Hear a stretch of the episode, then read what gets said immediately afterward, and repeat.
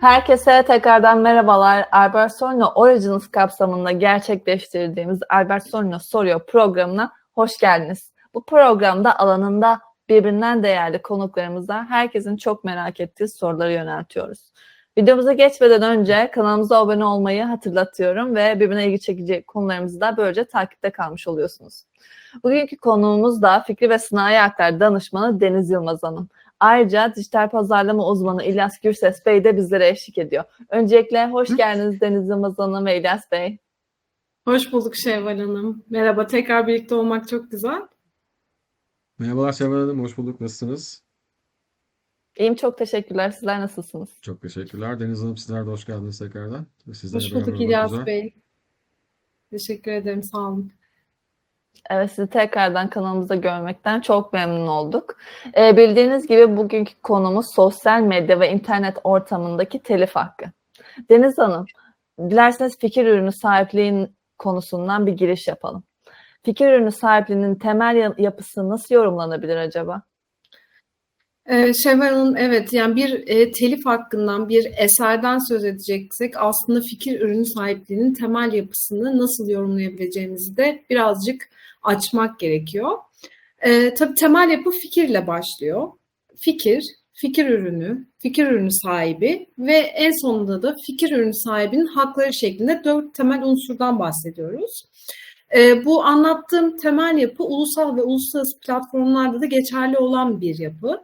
Ee, şu anda tabii ki tüm dünyada fikirlerin korunup korunmayacağı konusunda e, sıkıntılar yaşanabiliyor. Fakat bu çok önemli bir konu.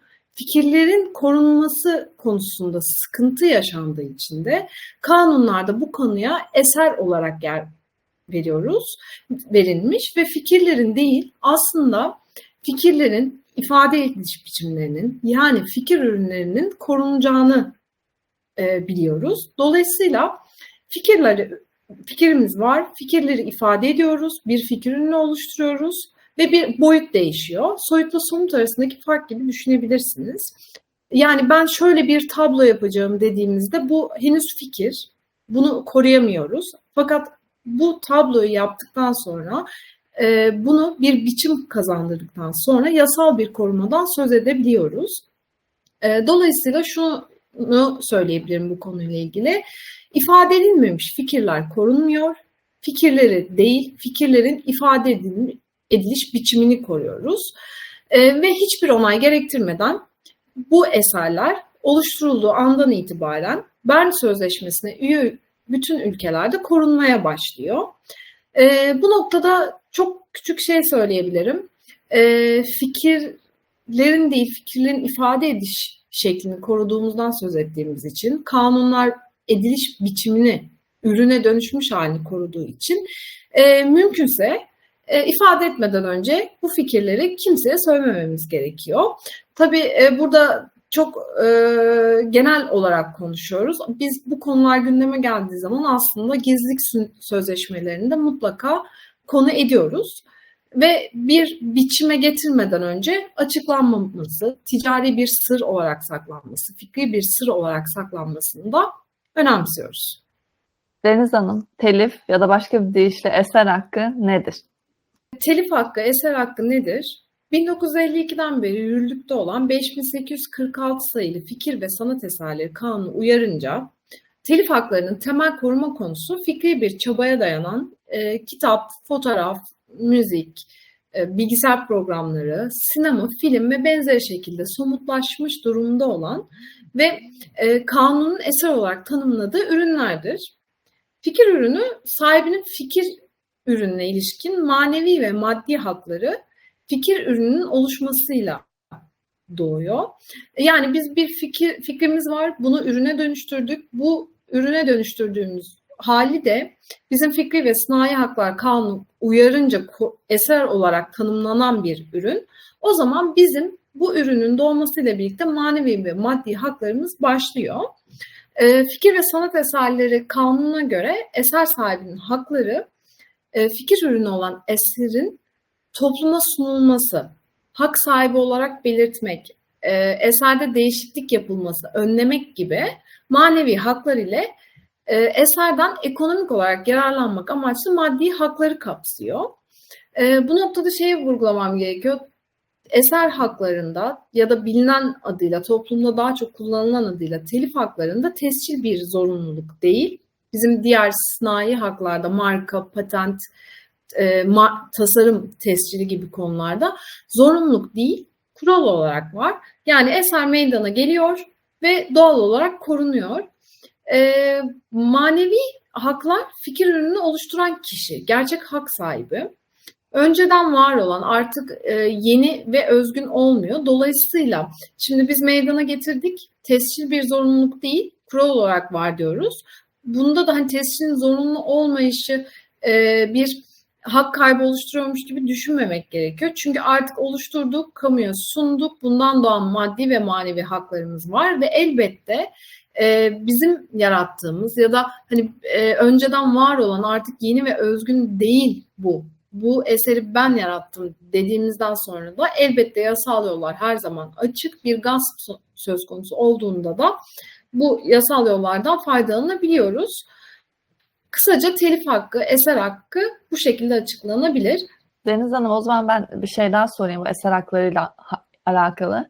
Eser sahiplerinin hakları ne kadar süreyle korunuyor? Yani kaç yıl sürüyor? Ve bu eserlerin serbestçe kullanılabilmesi için kaç yıl geçmesi gerekiyor? Bize anlatır mısınız? Elbette. Ee, koruma süresi eser sahibinin yaşadığı süre boyunca ve eser sahibinin ölümünden itibaren 70 yıldır. Ee, yani bir fotoğrafın ya da başka bir eserin internette yayınlanması bu eserin serbestçe kullanabileceği anlamına gelmiyor. Ee, esere ilişkin hak sahiplerinin eser yayınlanmış olsa bile hakları devam ediyor. Dolayısıyla bu yüzden de mirasçıları tarafından da devam ettirilebiliyor. Bu yüzden de diyoruz ki eser sahibinin yaşadığı sürece ve ölümünden sonra 70 yıl ve sonrasında mirasçıları var ise de hak sahiplerine ulaşarak izin alınması suretiyle biz bu eserleri e, kullanabiliyoruz. Eser sahibi eğer tüzel kişi ise diye akıllara bazen sorular geliyor. Burada da koruma süresi aleniyet tarihinden itibaren 70 yıldır diyoruz.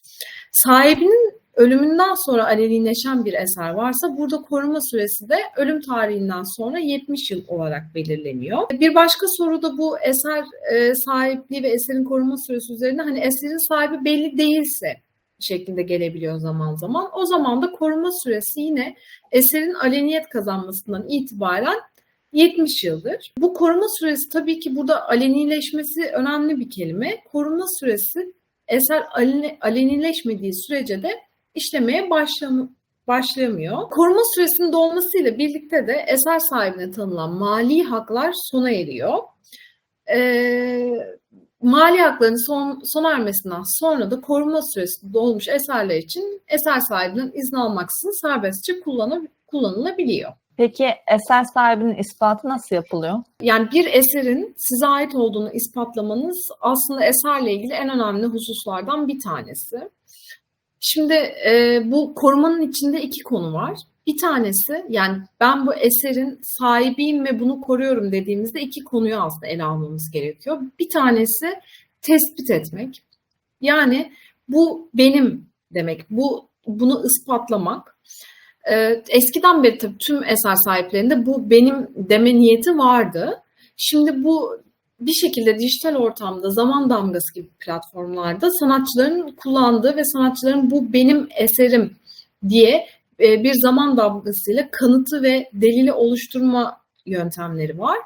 Ee, tabii biraz daha teknoloji bu noktada geriden takip ediliyor diyebilirim. Hani bu bu anlamdaki teknolojileri biraz daha belki ileriki söyleşilerde açabiliriz ama çoğunlukta bir şekilde e, eser sahipleri bu benim eserim demek. Bunun tespitinin yapılmasını sağlamak, bunun ispatının yapılmasını sağlamak anlamında bir, bir şekilde haberdarlar ve bu duruma adapte olmuş durumdalar. Ee, bir de aslında ikinci konu koruma kısmı var. Bana benim fikrim tespit etmekten çok daha büyük bir ihtiyaç halinde aslında bu eseri e, eserin benim eserimin korunması. E, yani bu benim eserim demektense o eser kimin tarafından nerede kullanılmış bunu görmek, bunu analiz edebilmek, tespit edebilmek önemli. E, çünkü şöyle, E, bir eseri mail ortamında ya da dijitalde sunarak da ve bu kanıtları da muhafaza ederek bir şekilde ispatlayabilirsiniz bu trafikte, bu yol üzerinden bir şekilde bu eserin size ait olduğunuzu ispatlayabilirsiniz. Yani birazdan daha detaylı bu zaman damgası ve Kültür Bakanlığı e, kayıt testiliyle ilgili ufak birkaç şey söyleyeceğim ama e, yine de başta şunu söylemek istiyorum. Yani bir eseri oluşturduk ve e, bir zaman damgası yapmadık. E, o eserin bize ait olduğunu da biz yine e, takdiri delillerle mahkemede ispat etme olanağına sahibiz. Dolayısıyla ispat evet önemli. Bir eserin ispatını nasıl sağlarız bundan bahsedeceğiz. Fakat burada ben aslında eserin ispatından sonra bu eserin nerede bir ihlale uğruyor ya da uğruyor mu diye takip edilmesinin de çok çok önemli olduğunu belirtmek istedim. Çünkü e, dünyanın artık yani bu dijitalleşen ortamda, internet ortamında dünyanın herhangi bir yerinde birisi bizim bu eserimizi kullanıyor olabilir. Bunu bu ihlali tespit etmemiz ve buna karşı bir aksiyon almamız gerekiyor. Ama tabii ki bu alan çok yeni bir alan. Ee, bu noktada biz hukukçuların, vekillerin, işte sektör oluşumlarının, hukuk oluşumlarının da takipte rolü çok büyük.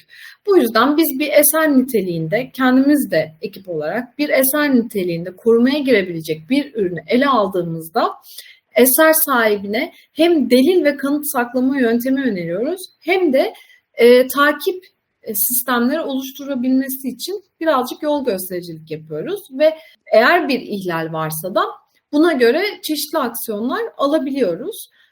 Dolayısıyla birazdan ispatı tam konuşacağız. Yani bu kadar uzun konuştum ama ben bir noktada da ispattan ispat evet önemli. İspat kadar takibinin de çok önemli olduğunu vurgulamak istedim. Soruya dönecek olursak nelerdir dersek e, eserin bir hukuki olarak ispatlanması anlamında.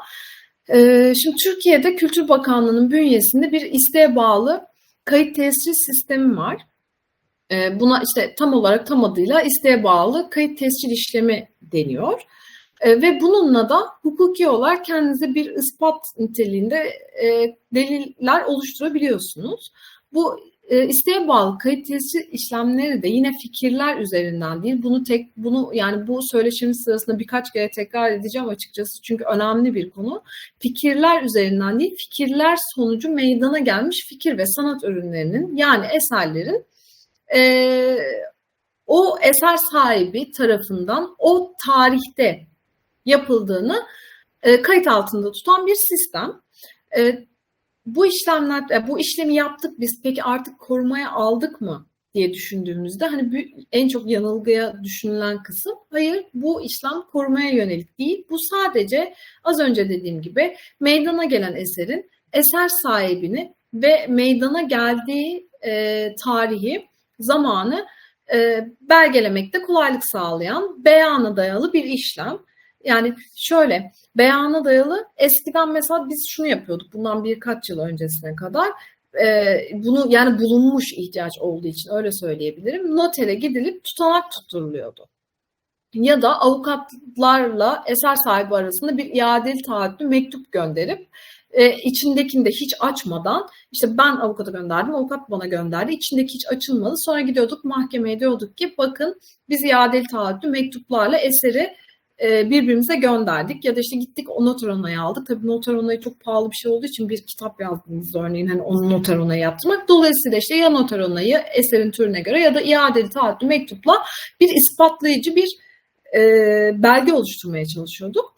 İşte az önce anlattığım gibi bu zamanla geliştiği için şu anda Kültür Bakanlığı'nda isteğe bağlı kayıt tescil sistemiyle eserlerimizi bildirip e, zaman damgası, damgası niteliğinde, eser sahipliği niteliğinde bunları saklıyorlar. E, içini Kültür Bakanlığı da açmaz. E, dolayısıyla içinde ne olup bittiği de tamamen beyana dayalı şekilde saklanır. Ve herhangi bir haksızlık durumu oluştuğunda da mahkemede bunu kanıt olarak kullanabiliyoruz. Sadece isteğe bağlı kaydettiğimizi söyleyen bir mekanizma. Dolayısıyla bu mekanizma aynı zamanda TASTIX diye de e, duyulan böyle akreditasyon almış kurumlar da var. Buna hani Kültür Bakanlığı kayıt tesciliyle işte tasdik, zaman damgası aynı mı gibi karıştırmalar da oluyor. Bu Kültür Bakanlığı'nın bir sistemiydi. Bir de Tastix gibi zaman damgası olan e, akreditasyon almış kurumlar var. Bunlarda da bir belli bir ücret karşılığında e, istediğimiz her an eserimizi kayıt, al, kayıt ettirebiliyoruz ve kaydın bir kopyası da bizde kalıyor. Böylelikle olası bir uyuşmazlıkta mahkeme nezdinde kanıt niteliği bu şekilde de oluşturulabiliyor. Uluslararası platformlarda da timestamp gibi e, bunun farklı sistemleri mevcut. Toparlamak gerekirse bir eser sahibinin ispatı anlamında yapacağımız bu tarz Kültür Bakanlığı zaman damgası tahsis işlemleri bir delil ve kanıt saklama yöntemi. Ee, onun dışında da eğer bu eserimizle ilgili başka bir e, hakkımız varsa yani sınai mülkiyet kanunu uyarınca bu ilgili e, eser için bir hak, bir tescil aldıysak da bütün bunları bir araya getirdiğimizde mahkeme nezdinde elimiz çok kuvvetli oluyor ve e, tek celsede tazminat aldığımız dosyalarımız mevcut. Gerçekten açıklayıcı oldu. Ee, tabii eser hakkı, tescil, zaman damgası gibi konuları Google'da aratanların karşısına, karşısına çıkan konulardan biri de Creative Commons lisansıdır. Bu yüzden Creative Commons lisansı nedir bize anlatabilir misiniz? Bu kuruluş bir eserin internet ortamındaki e, kullanım koşullarının telif sahibi tarafından belirtilmesini sağlayan Creative Commons lisansı yani böyle CC lisansı gibi de CC lisansı gibi olarak da görebilirsiniz. Böyle adlandırılan e, bir telif lisansları geliştirmiş bir kuruluş. E, bu lisanslar böyle her hakkı saklıdır e, yerine bazı hakları saklı yaklaşımı ile çalışıyor. Şöyle açıklayabilirim bunu. Mesela ben bir makale yazdım ve bunu e, kendi internet sitemde yayınladım. Ve dedim ki paylaşırken bu içerikten e, herkes faydalanabilir. Yani girip okuyun, alın, işte atıfta bulunun, paylaşın gerekirse vesaire. Ama e, ticari olarak kullandınız diyelim. Yani mesela bu yazıyı alıp kendi müvekkillerinize gönderdiniz.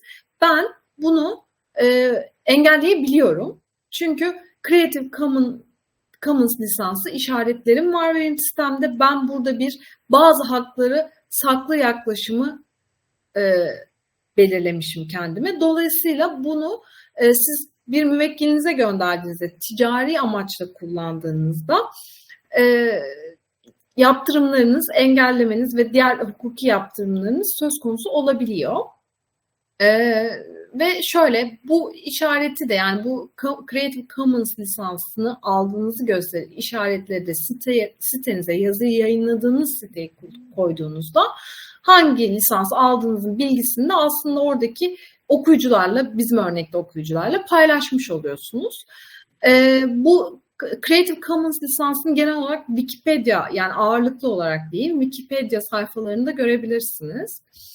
Ee, aslında Creative Commons lisansından bahsetmişken de tabii bir kullanımı yaygın olan Shutterstock gibi böyle özellikle grafik tasarımların sıklıkla paylaşıldığı platformlar ve tabii paylaşılıyor ve bu oralardan alınıp insanlar kullanıyor bunu. İşte ücretsiz olduğu düşünülüyor vesaire gibi. Ee, böyle konulara da değinmek gerekiyor bu Creative Commons lisansını konuştuğumuz zaman. Dolayısıyla bu yani bunların kullanımı ile ilgili daha detaylı yorumlarımızı ya da daha düşüncelerimizi aslında ileriki söz söyleşilerde paylaşsak daha e, faydalı olabilir. Çünkü geniş konular, e, her bir kullanımı ya da her bir ha, sağladığı hak biricik olan konular. Bizim de bu konuda devam eden dosyalarımız var açıkçası. Dolayısıyla bu tarafı böyle toparlamış olalım. Sağ olun Deniz Hanım. Gerçekten bir sonraki söyleşilerimizde bunu dile getirsek daha iyi olacak ve gerçekten dediğiniz gibi çok kapsamlı bir konu. O yüzden ayrı bir video çekmek iyi olacaktır. Deniz Hanım bildiğiniz gibi dijital medyanın gelişmesiyle sosyal medyadaki telif hakları da oldukça ön plana çıktı. İnsanlar telif hakkının ne olduğunu belki de birçoğu sosyal medyadan öğrendi. Sık kullanılan sosyal medya platformlarında da uygulanan uyar kaldır yönetimi oldukça fazla karşımıza çıkıyor.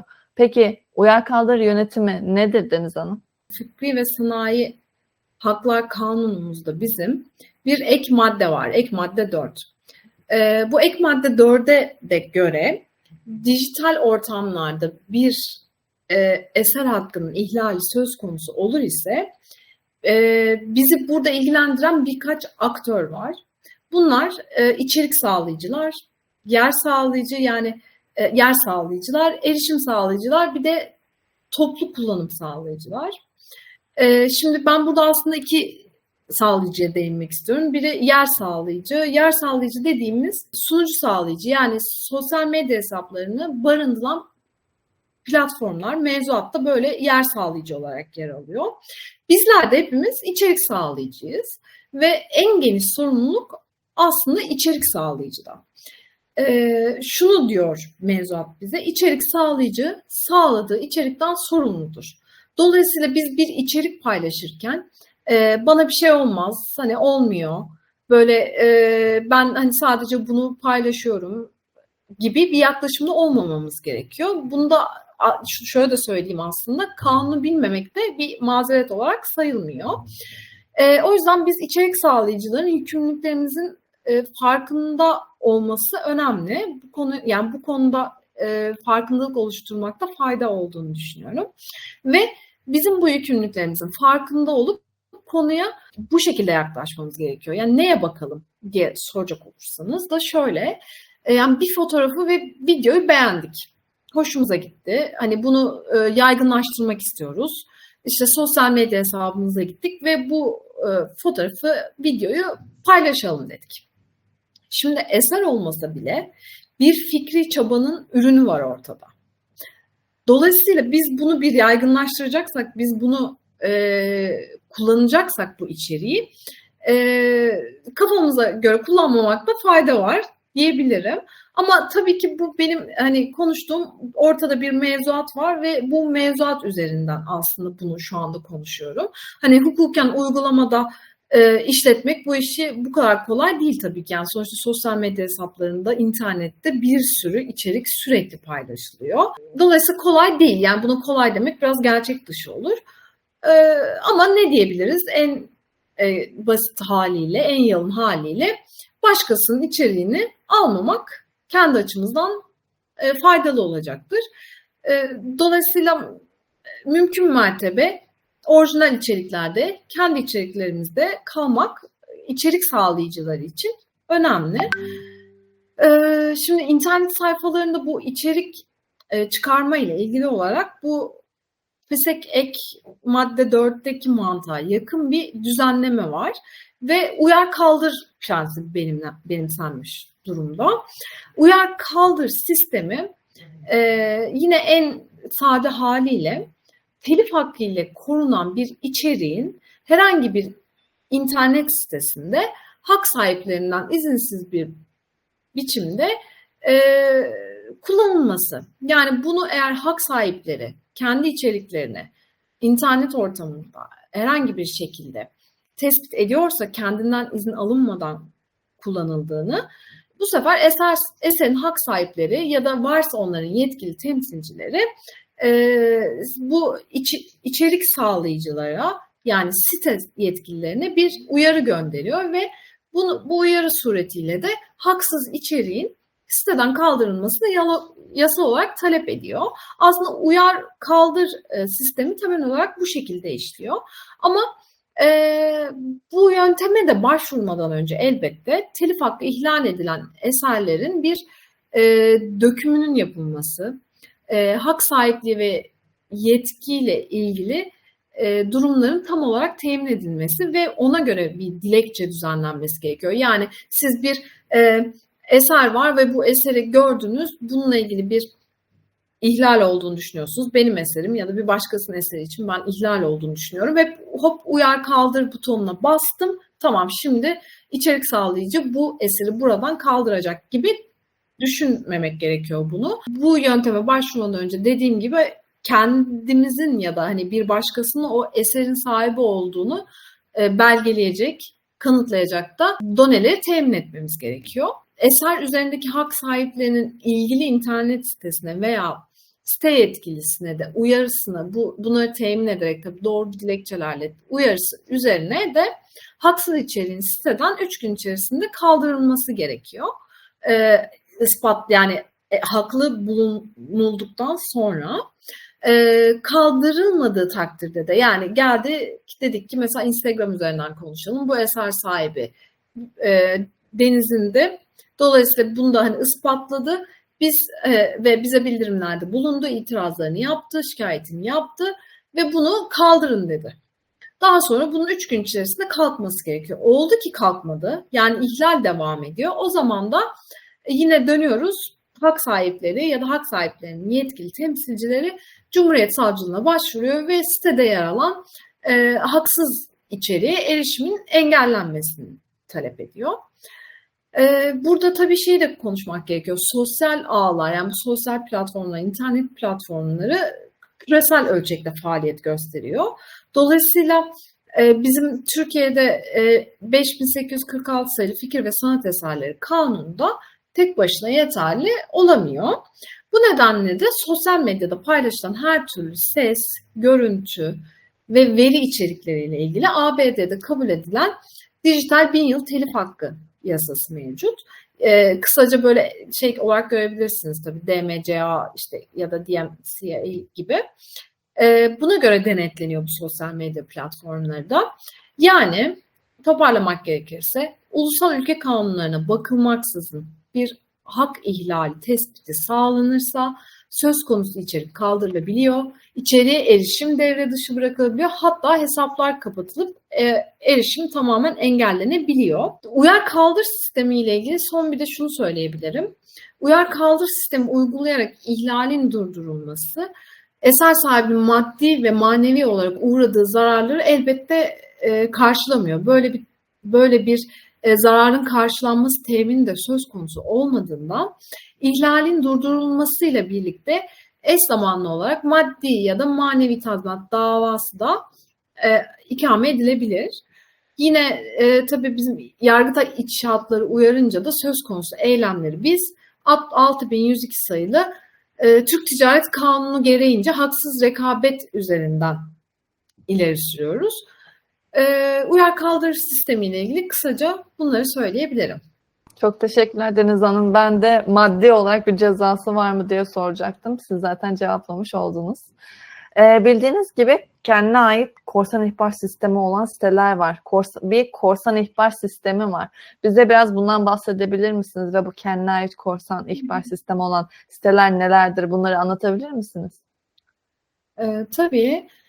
Korsan, yani kendine ait korsan ihbar sistemi olan siteler işte Facebook, Google, Yandex, Twitter, Instagram gibi aslında YouTube gibi siteler. Bu sitelerin kendilerine ait bir telif hakkı ihlallerinin bildirimine ilişkin bir prosedürleri mevcut.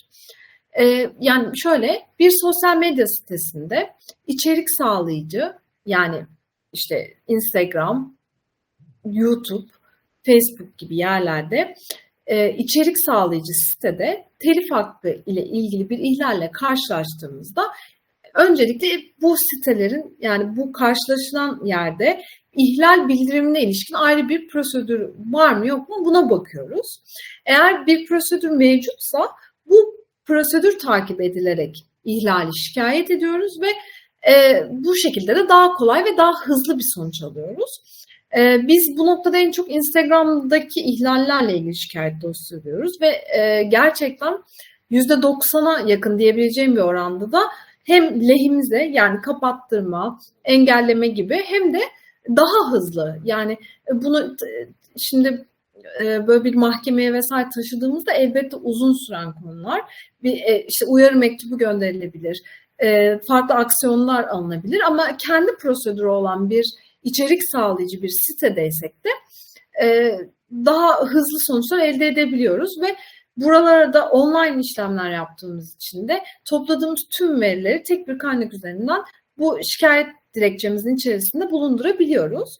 E, ayrıca bir de şunu ekleyebilirim bu noktada. Biz sınai haklarla ilgili e, bir uyuşmazlık söz konusu olduğunda daha çok markada aslında bir uyuşmazlık söz konusu olduğunda biz burada topladığımız delilleri de e, ve kendi lehimize yani kapattırdık, ispatladık gibi e, işlemleri de ve ayrıca bu platformdan topladığımız verileri de biz bu e, uyuşmazlık aşamalarında kendi argümanlarımızı ekleyebiliyoruz. Dolayısıyla e, bu ihbar sistemi olan sitelerdeki işleyiş ve prosedürlerinde çok faydalı ve e, hızlı olduğunu ve eser sahibi bakımından da çok e, sağlıklı olduğunu düşünüyorum.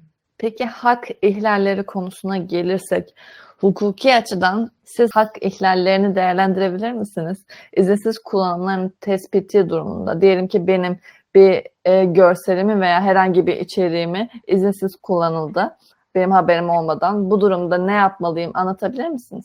Şimdi hukuki açıdan bakacak olursak bu tüm dünyada bu mecralarda telif haklarının korunması e, ihlalleri ya da ihlalleri durumunda neler yapı, yapılabileceği ya da bu e, dava yoluna gittiğimizde tazminatın ne şekilde belirleneceği yani hala böyle tartışmalı bir konu diyebilirim. Yani bu aslında bütün bir süreç. E, açıkçası insanlar ne kadar hani e, ya da eser sahipleri, toplum ne kadar e, telif hakları ile ilgili bilinci şu anda daha tam oturtamamışsa da, oturtmuş değilse, e, yani ne yapsam ben bir ihlalde bulunmuş olurum, nasıl bir uyarı ile karşılaşırım, bu bilinç oturmuş olmadığı için. Dolayısıyla bunun hukuki boyutu da aslında çok çeşitli. Ee, yani örneğin şöyle diyebilirim. Bir restoranda bir müzik çalıyor, çalınıyor. Çoğu insan bunun bir ihlal olmadığını düşünüyor. Oysa orada bir e, eser sahibinin haklarının ihlali durumu söz konusu. Çünkü orada restoran e, izinsiz bir şekilde umuma iletim yapıyor. E, biz daha bu bilincin oturmadığı bir noktadayız. E, dolayısıyla bunun yani şöyle gelişen teknolojilerle aslında artık bu ihlallerin tespiti biraz daha kolay ve hızlı olsa da burada nasıl e, ne kadar çok aksiyon al, alındığı da önemli. Ki biz bir tespit yapalım. Bu ihlal tespiti ettikten sonra da buna karşı bir aksiyon alalım ki bu aksiyonlar alındıkça e, toplumda bir bilinç artsın, arttıralım. Henüz hukuki boyutu da bu e, ne ihlal yaratır, ne yaratmaz, sonrasında bu hukuki olarak nasıl bir dönüş olur aslında açıkçası çok e, yüksek bir düzeyde değil bu konudaki bilinç. bilinç. Ama e, sonunuza gelecek olursam da e, Türk hukukunda biz ne neler yapabiliriz bu tespit ettiğimiz ihlallerle ilgili? Bir kere az önce belirttiğim gibi online platformda bir hak ihlali var ise çözüm olarak e, FİSEK ek madde 4 ile de desteklenen uyar kaldır yöntemi uygulayabiliriz. Dijital ortamda bu telif hakları için başvurulan hukuki yollar ise e, tabii hukuk davaları ve ceza davaları olarak e, söyleyebilirim bunu. Yani hukuk davalarında bir e, refi davası yani e, tecavüzün kaldırılması davası var. İşte bunu eser sahibi de, ya da bağlantılı hak sahibi e, açabiliyor ve e, bu dava ile bu telif hakkı ihlalinin yani tecavüzün hukuki hukuka aykırı sonuçların ortadan kaldırılması talep ediyor. Bir e, tecavüzün durdurulması dediğimiz meni davası açıyoruz. E, maddi ve manevi tazminat davaları açıyoruz. Bu eser sahibinin uğradığı zararlarla ilgili. Burada şey söyleyebilirim. Tecavüzün kaldırılması ya da durdurulması davalarında bir ihlalin varlığı yeterli. Burada bir kusur aranmıyor. Maddi ve manevi tazminat davalarında ise davalının bir kusurunun bulunması gerekiyor. Biz hani e, burada açacağımız davayı ilerleyeceğimiz yöntemi açıkçası duruma göre, olaya göre, ihlale göre değerlendiriyoruz. Yani hukuk davaları bakımından aslında telif hakkı ihlalinin internet ortamında meydana gelmiş olması bir farklılık arz etmiyor. Aynı normal bir telif hakkının yani bir basılı bir kitabın kopyalanması ile ilgili bir telif hakkında e, hukuk davası yoluna gideceksek aynı şekilde internet ortamında meydana, meydana geldiğinde de bu ihlal aynı şekilde hareket ediyoruz. Bir de ceza davaları durumu var. Orada da e, FİSEK madde 7.1'e göre bir eseri hak sahibi kişilerin yazılı izni olmaksızın işleyen, değiştiren, e, ses ya da görüntü nakline yarayan araçlarla böyle umuma ileten, yayınlayan, e, kişisel kullanım amacı dışında elinde bulunduran ya da depolayan e, kişi hakkında bir yıldan beş yıla kadar hapis ya da adli para cezası hükmü verilmesine e, yol açacak ceza davaları açabiliyoruz. E, burada FİSEK 7.1'de böyle maddesinde her türlü işaret, ses veya veya görüntü nakline yarayan araçlarla dediği için de aslında internet ortamındaki paylaşımlar paylaşımlarını da buna dahil ediyoruz. Son olarak şunu söyleyebilirim. Ee, ben e, sosyal medya platformlarına dönecek olursak ben açık bir hesap üzerinden yani benim bir hesabım var ve bu açık bir ulaşılabilir bir hesap bir içerik paylaşıyorsam e, burada yoruma açık olduğunu da bilmem gerekiyor bu içeriğin. Bunu şu yüzden söylüyorum. Hani bir paylaşımda bulunduktan sonra altına e, bazı yorumlar geliyor. İşte bir e, kötü bir yorumla ya da eleştirel bir yorum yorumla benim içeriğim paylaşılıyor. Yani ben paylaşmışım içeriğimi ve buna bir kötü bir yorum yaparak bunu çoğaltarak paylaşıyor gibi. İşte buralarda neler yapabiliriz diye bize e, danışan müvekkillerimiz de oluyor ama şunu söylemek istiyorum. Bir ben yorumu açık olduğu bilinen bu hükümleri onaylayarak giriş yaptığım bir sosyal medya hesabında içerik paylaşıyorsam bu yorumu açıktır. Eğer böyle hakaret içermeyen, çok böyle kişisel haklara saldırı boyutunda hukuki bir boyutu olmayan uygun bir yorum alıyor ise benim bu paylaşımım, e, bu hukuken ifade özgürlüğünde değerlendirmek gerekiyor. Dolayısıyla bu noktada gidebileceğimiz e, çok fazla bir yol olmuyor. Ama benim kapalı bir platform üzerinden, örneğin WhatsApp'tan size bir içerik paylaştım. E, esen niteliğinde diyelim ve özel olarak bunu sizinle paylaştım. Fakat o bir şekilde yayıldı. O zaman farklı yöntemlere gidiyoruz. Dediğim gibi bunu olay ve ihlalin e, içeriği bakımından değerlendiriyoruz. Peki internet ortamında izinsiz fotoğraf paylaşılması veya link verilmesinde de hukuki yaklaşım buna benziyor mu? Evet, yani şöyle şimdi fotoğraflar konusu e, farklı bir, farklı korumalar olan bir konu aslında. Şimdi bir fotoğraf, öncelikle paylaşılan fotoğraf ya da video diyelim, eser mi değil mi? Bir buna bakmamız gerekiyor. Fotoğraf eğer es, bir estetik nitelik taşıyorsa o zaman güzel sanat eseri olarak. Eğer estetik bir niteliği yok ise ilim ve edebiyat eseri olarak korunuyor. Ama herhangi bir hususiyet taşımıyorsa, sahibinin bir hususiyetini görmüyorsak o zaman haksız rekabetle korunuyor gibi kendi içinde farklı koruma sistemleri olan bir e, konu. Şimdi internetle ilgili neden önemli? Çünkü internette herkes bir dolu fotoğraf paylaşıyor. Bu fotoğrafların da iki türlü koruması var diyebiliyoruz. Bir tanesi e, ben kendimi koydum. Yani bu benim fotoğrafım ve bunun umuma iletimine ben karar verdim. Ve yayınlanma platformlarına, sosyal medya, işte Instagram'a bunu koydum. Buna bunu bir başkası alabilir mi? Yani aslında şöyle devam gerek. Kullanım koşullarına bakılması gerekiyor. Çünkü siz o sosyal medya platformuna üye olurken bazı kullanım şartlarını, kullanım koşullarını kabul ediyorsunuz. Orada siz buraya bir şey yükledikten sonra bu benimdir gibi bir şey söz konusuysa yani hala tabii ki yapabileceklerimiz var ama bir oralara bir bakmak gerekiyor. Nerede paylaşıldı gibi. E, ve sonra da az önce konuştuğumuz gibi report kısımlarında şikayet ediyoruz ve hani işlemler bu şekilde devam ediyor. Bir de şu var. Ben bir fotoğraf koydum ve bu fotoğrafı koyarken de arkamda başka bir kişiler vardı. Bu kullanılabilir mi?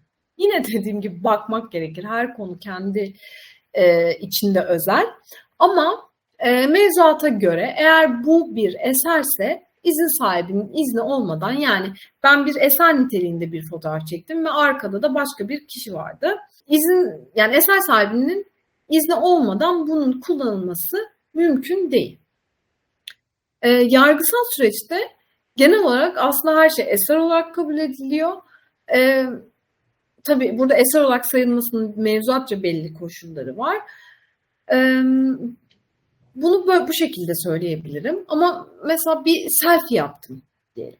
Eser niteliği yok. Bir hususiyet taşımıyor. Bunu da e, işte siz paylaşmak istiyorsunuz. Bir başkası paylaşmak istiyor. Hayır. Kullanması mümkün değil. Ee, tabii ki pratikte sıkıntılar oluyor. Bu pratikte de bu kullanım amacına bakıyoruz. Orada kullanım amacı biraz önem kazanıyor. Ben sizin bir fotoğrafınızı çekerken ya da kendimi selfie yapıyorum ama arkada da siz gözüküyorsunuz. Ee, benim bu e, fotoğrafı çekerken ki amacım, bu görüntüyü almaktaki amacım aslında zaten sizin görüntünüzü almak için ise o zaman izin alınmadan yapıldığı için bunun, benim kullanımımın engellenmesi gerekiyor. O zaman gidilecek yol değişiyor. Ama bazı kapsamlar örneğin mesela bir e, resmi geçit oldu diyelim ve e, bu törende siz bazı fotoğraflar alıyorsunuz. İşte geçit sırasında alıyorsunuz, orada geçiti izleyenlerin fotoğrafını alıyorsunuz vesaire. E, bunlar da bu kapsamda değerlendirilmiyor. Çünkü e, orada zaten bir tören olduğu, orada fotoğraflar çekileceğini peşinen zaten e, biliyorsunuz ve e, haber niteliği olan bir durum bu. Yani işte başka bir örnek şöyle verebilirim. Müzenin önünde bir olay çıktı. Ve siz bu burayı fotoğraflayacaksınız. Hem müzeyi hem işte oradaki olaylar sırasındaki aldığınız görüntüler. Bu karede istemeyerek de yer alan bir kişi olsa da fotoğraftan çıkmayı talep edilemiyor. Yani bu tören gibi, geçit gibi haber niteliği olan durumlarda bir fotoğrafın içerisinde yer alıyor ve siz o fotoğrafı kullanıyorsanız zaten orada bulunarak o kişi fotoğrafın çekileceğini kabul etmiş durumda. Ama az önce dediğim gibi benim benim fotoğrafımı zaten bir başkası kullanamıyor. Ben fotoğrafı çekerken arkada biri vardı. O kişi bana engel olunabiliyor mu? Orada da e, fotoğrafçılar bu konuyu aslında mesela daha tabii ki e, teknik olarak biliyorlar. Benim oradaki amacım önem kazanıyor diyebilirim. E, link konusu da aslında hep gündemde olan bir konu. Şimdi hani sosyal medya dediğimizde hep aklımıza önce fotoğraf, fotoğraf, video paylaşım sonra da bu link verme konusu gündeme geliyor. Çünkü teknoloji gittikçe gelişiyor. E, bir yere bir yere link vermek hukuka aykırı bir durum oluşturmuyor. Orada konu tabii şeye gidiyor böyle yapımcı, o videoyu çekenler durumunda eser sahibi olarak, eserin yapımcısı olarak ya da yapımcının e, düzenlediği içinde oyuncuların olduğu bir eserden söz ettiğimizde de orada tabii farklı yine hukuki yöntemler var ama çok az böyle sosyal medya, internet platformu gibi düşündüğümüzde de yine ticari bir geliri ortadan kaldıracak bir durum var mı? Ya da bu ticari geliri teknolojik olarak engelleyecek bir sistem yaratılıyor mu gibi haksız rekabet bakımından e, inceliyoruz. Tabii işte dediğim gibi bu çok yani FİSEK ve bu e, telif hakları ve bu sosyal medyadaki kullanımlar böyle çok engin bir konu, çok kapsamlı bir konu ve her biri kendi içerisinde birçok alt konu barındırıyor. Yani yıllardır çok ayrıntısı olan bir konu. Ee, bizim de şu aslında şunu şöyle sonlandırabilirim bunu. Bu var olan hukuk sistemlerini aslında e, her şeyin dijitalleştiği bir dönemde bizim de kanunu, yapıyı, uygulamayı ve içerikleri geliştirerek daha uyumlu hale getirmemiz, daha hızlı, daha pratik hale getirmemiz gerekiyor. Ee, gelişmeler oldukça da bu hukuki açıdan e, değerlendirmelerimizi ilerleyen söyleşilerimizde daha detaylı tartışabiliriz umarım diye düşünüyorum. Biz de aynı şekilde umuyoruz Deniz Hanım. Ben kendim telif hakkı e, uyarısı almakla alakalı bir soru soracağım. Hı. Diyelim ki bilerek veya bilmeyerek bir telif hakkını ihlal ettim ve bu konu hakkında uyarı aldım. Ne sonraki süreç nasıl ilerliyor? Benim başıma ne geliyor? Anlatır mısınız? Tabii. Burada kötü niyet ya da bilmeden paylaşılmış olması o içeriğin epey bir fark yaratıyor hukuken. Bir kötü niyet söz konusu ise tabii orada gideceğimiz hukuki yollar çok çok daha farklı ve e, kapsamlı. Yani aynı anda aynı olay ve ihlalle ilgili e, birkaç dava birden açtığımız durumlar söz konusu olabiliyor. Ama e, diyelim ki siz bir paylaşımda bulundunuz. E, kötü niyetli değilsiniz. Mesela şöyle düşünebilirsiniz. Bazı marketlerin böyle haftalık ürünleri oluyor. Siz de bir sosyal medya hesabı açtınız ve hangi hafta hangi markette hangi ürün olduğunu paylaşıyorsunuz. Tek yaptığınız bu. Yani marketin kendi sitesinden ya da kendi afişinden bir görüntü almışsınız ve bunları düzenliyorsunuz, derliyorsunuz. E, tüketiciye sosyal medya üzerinden sunuyorsunuz. Ama bu ticari işletmeyle herhangi bir bağınız yok. Bu sizin kendi sosyal medyanız.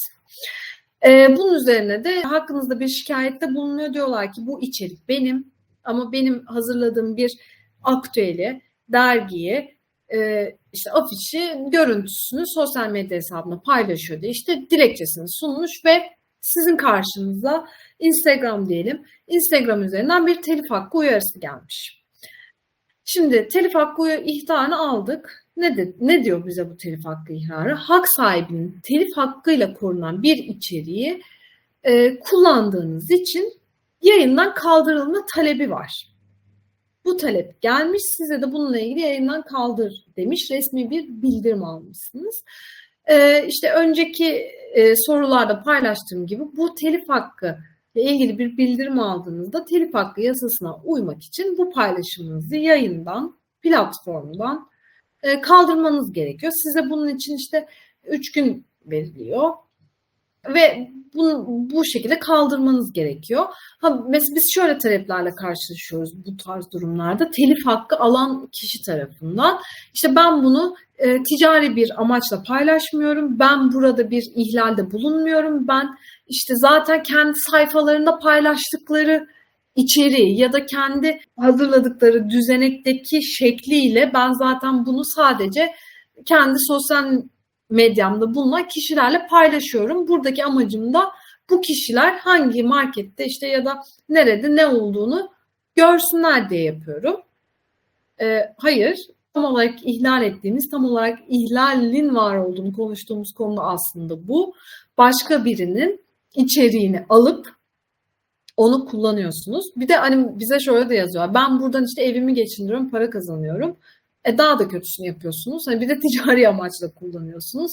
Dolayısıyla evet bilgiler derlenebilir, evet paylaşılabilir, evet yorumlar yapılabilir. Evet bir noktaya kadar bazı içerikler kullanılabilir ama birinin fikir ürününü, fikri çabasını hiçbir koşulda kullanmamamız gerekiyor. Buna dikkat etmemiz gerekiyor. Telif hakkı uyarısını da bu sebeple alıyoruz ve bunun üzerine de bu e, platformdan bizim içeriğimizi kaldırmak gerekiyor. Kaldırmazsak da dediğim gibi ifade ettiğim gibi hani hesabın kapatılması, erişimin engellenmesi gibi daha da ileri boyutlara taşırsak hukuki e, cezai davalar gibi konu devam ediyor. Deniz Hanım, büyük ihtimalle herkesin en çok merak ettiği bir soruyu soracağım size. Telif cezası ne kadar? Ee, ya şöyle hani bir telif hakkı cezasına kadar konu gidene kadar dediğim gibi diğer hani uyar kaldır, ihtar mektubu yolla gibi e, diğer yöntemler var. Aslında uyar kaldırdan da önce belki o e, ihlal içeriğini paylaşan, içerik paylaşan e, kişi ya da işte kurumlarla da iletişime geçilmesi tercih ediliyor. Yani bakın bu benim eserim ve bunu paylaşmanızı istemiyorum gibi. Baktık bizi dikkate almadı işte uyar kaldır yaptık. Uyar kaldır olmayanlar da ihtar mektubu yolladık vesaire. Ee, sonra artık eğer bir cezai işlem uygulanmasına konu geldiğinde e, telif hakkı ihlalleri için e, bir yıldan beş yıla kadar bir hapis cezası söz konusu olabiliyor. Ya da işte bunu adli para cezası alınabiliyor. Burada yani e, bu para cezaları tabii ki değişkenlik gösteriyor ama işte 5 bin liradan 100 bin liraya kadar gibi bile düşünebiliriz. Deniz Hanım çok teşekkür ederim. Benim başka bir sorum kalmadı. İlyas Bey size yönetici, yönelteceği başka bir soru var mı? Gerekli açıklayıcı bir şekilde Deniz Hanım zaten bütün soruların cevabını verdi. Bence aklımızdaki soruların da cevabını verdiğine inanıyorum. Ee, anladığım kadarıyla en son ki bir önceki sorumuzda da şöyleydi. Yanlış anlamamışımdır. Kısaca düzeltmem yani kısaca aktarmam gerekirse aslında şöyle sormak istiyorum. Ee, herhangi bir marketin ya da herhangi bir kişinin ya da firmanın ya da bireysel bir insanın yapmış olduğu bir tasarımla başka bir yerde örneği yoksa bu kişinin kendi tasarımı olarak sayılıyor. Ve e, bu tasarımı bambaşka bir insan kendi hesaplarında, dijital ortamda paylaşım yaptığı zaman da bu hak ihlalini ortaya çıkarıyor. Doğru mudur? E, o zaman e, aslında bu tarz paylaşma yapılmadan önce o tasarım yapan kişiye, eser sahibine ulaşılması ve böyle bir projeyle bu paylaşımın yapılması gerektiğine dair bir izin alınması gerekiyor ve o şekilde paylaşıma geçilmesi gerekiyor anladığım kadarıyla. Evet, doğru. On- Doğru. Yani orada eser sahibinin bir izni, eser Hı. sahibinden bir izin alınması durumu söz konusuysa elbette hani zaten eser sahibi şikayet etmiyor. Oldu ki Hı. üçüncü kişilerin bir şikayeti söz konusu olursa da zaten aldığınız izin. E, mevcut oluyor. O, o öyle bir durumda bir uyuşmazlık olmuyor. Bir herhangi bir yaptırımı uygulamaya gerek olmuyor. O zaman şöyle diyoruz. Yaptığınız bütün paylaşımlarda eğer başkasının eseri ise lütfen izin alın.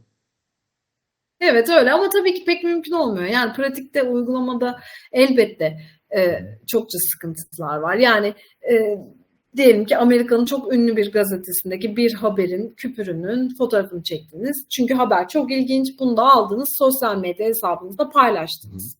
Yani ihlal mi derseniz ihlal. Çünkü fikri bir çabanın, fikri bir ürünün e, izinsiz paylaşımını yaptınız.